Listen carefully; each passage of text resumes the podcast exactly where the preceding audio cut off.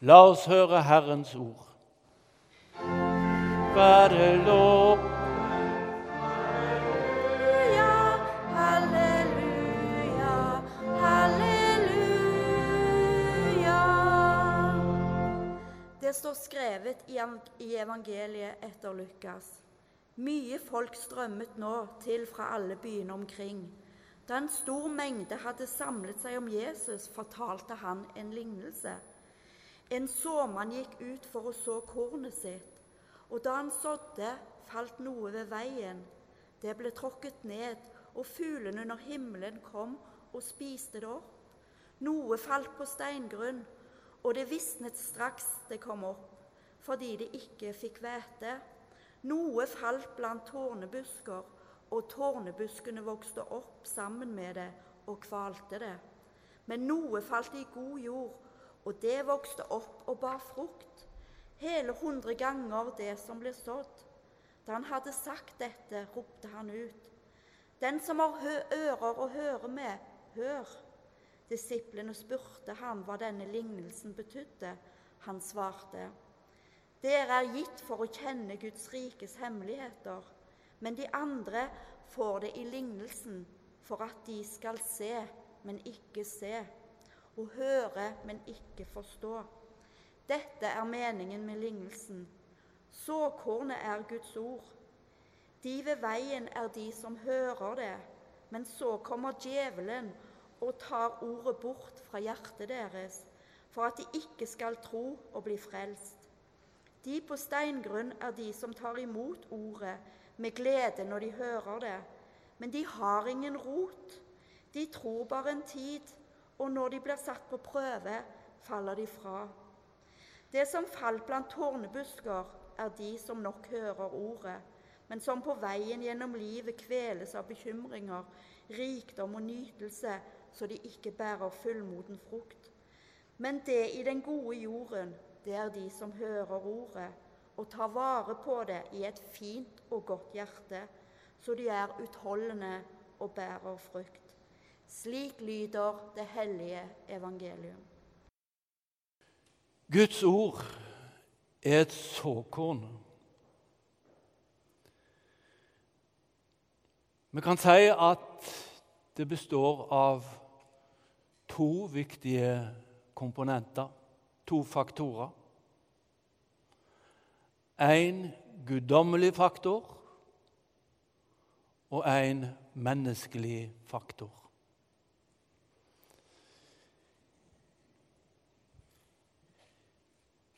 Guds ord er navnet på en person.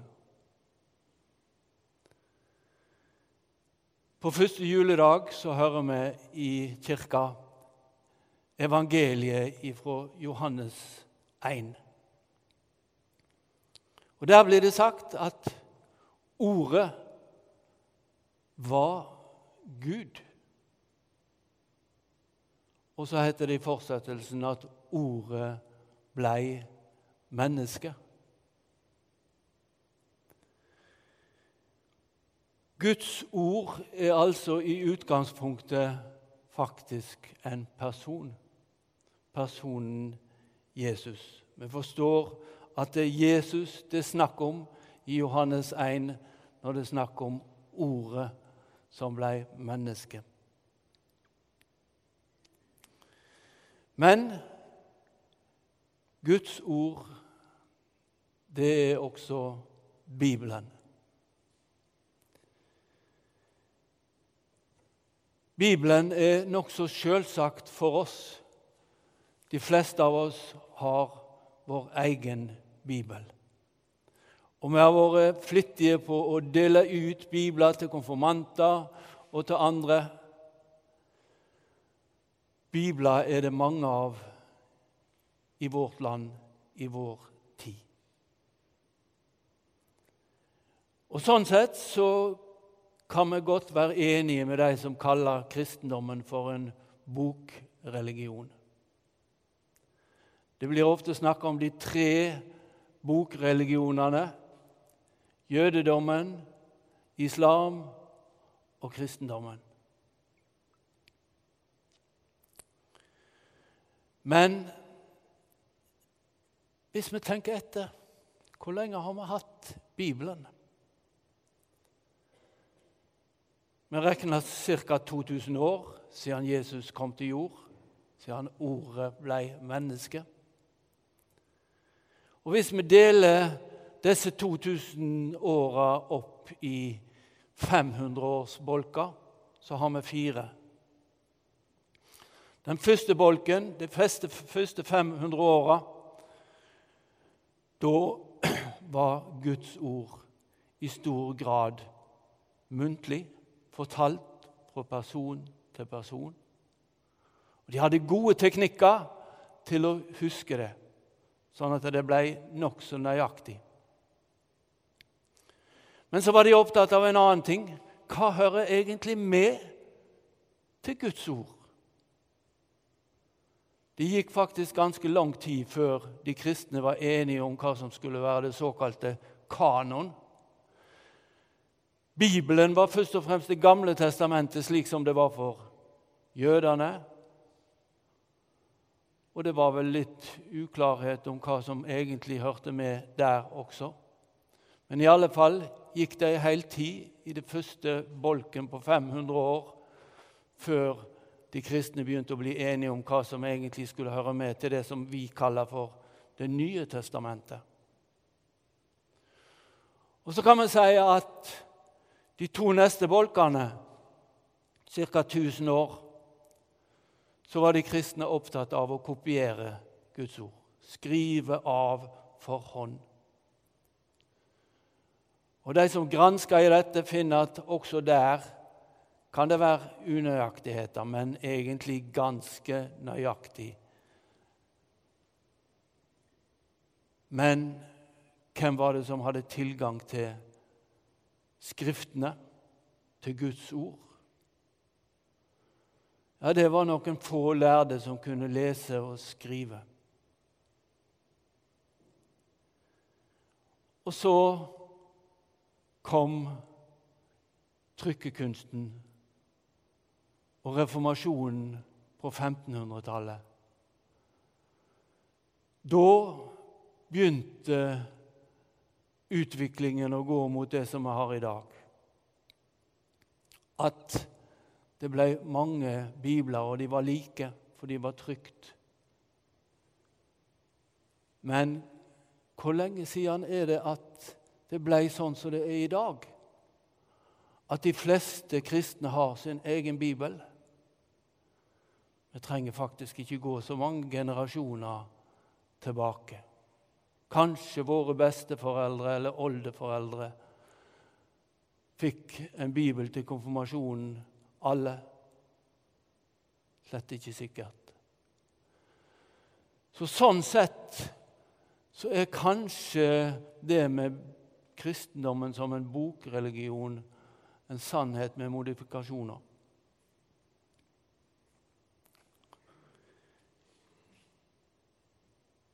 Det blir sitert etter Frans av Assisi. Det er vel kanskje tvilsomt om det var han som sa det først, men eh, det er godt sagt likevel. Forkynn evangeliet.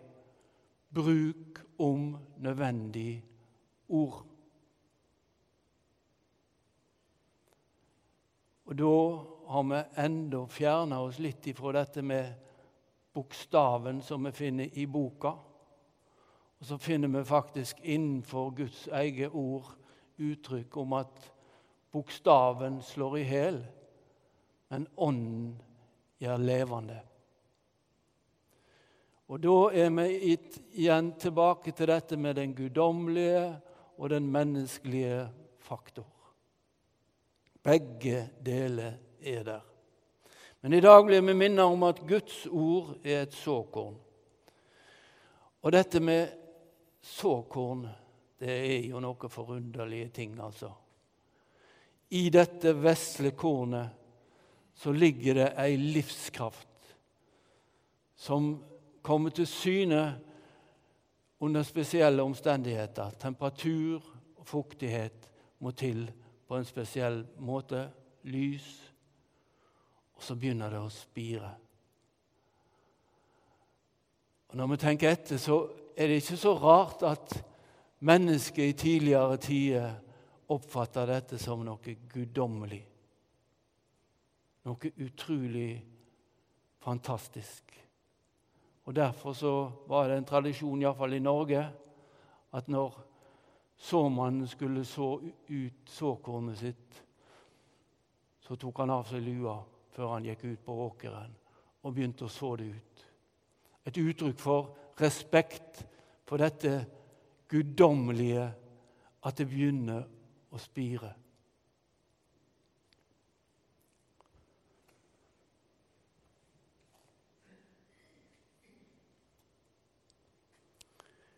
Såkornet, det er levende, enda det ser nokså dødt ut når det blir sådd.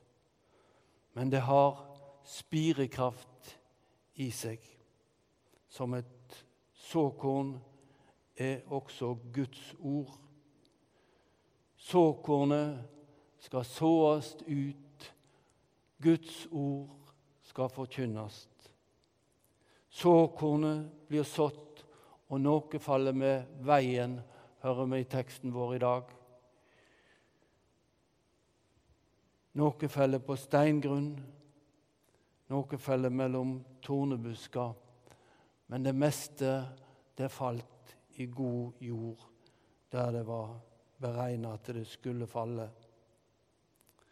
Det sier oss noe om at Guds ord skal forkynnes vidt og bredt, også ved veien der djevelen rår, ifølge teksten. Også på steingrunn, der folk lett tar imot det, men faller fort ifra. Også mellom tornebuska skal ordet bli sådd. Der det fort blir kvelt av bekymringer, av jakt på rikdom, og der folk er mer opptatt av å nyte enn å yte. Men framfor alt så må Guds ord forkynnes for de som er mottakelige. Og Derfor så trenger vi at Guds ord blir studert og jobba med. Derfor trenger vi teologistudium. Og derfor så trenger vi forkynnere, prester, andre forkynnere og lærere. Og Derfor så trenger vi å samles sånn som vi gjør i dag til gudstjeneste og til andre samlinger der Guds ord blir forkynt. Og så gir såkornet brød. Guds ord skal bære frukt, og det gjør det. Det har det gjort, og hvis ikke så hadde ikke vi vært her i dag.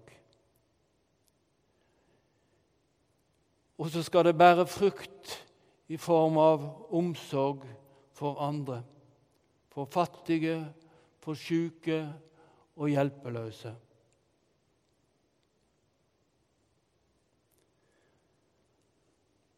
Og så står det en pensjonist her i dag. Og det var jeg kanskje inne på sist jeg var her òg at når en er blitt pensjonist, så ser en tilbake. Og For meg så er det et spørsmål som har forfulgt meg siden jeg gikk av for over fire år siden. Hva blei det til med den prestegjerninga di? Hva blei det til? Da er det godt å tenke på at det ikke bare er den menneskelige faktoren som er der når Guds ord blir forkynt. Guds ord har en guddommelig faktor. Om det menneskelige ikke alltid er så perfekt, ja, om en av og til sier ting som ikke burde være sagt, om en av og til sier ting feil, om det til og med ikke er helt etter boka, det som blir sagt. Guds ord har en guddommelig faktor. Som eh, Martin Luther understreker det, at det er Guds ånd som ved ordet skaper trua i oss. Og så får også jeg lov å tro at noe av det som jeg var med og fikk så ut, det har båret frukt.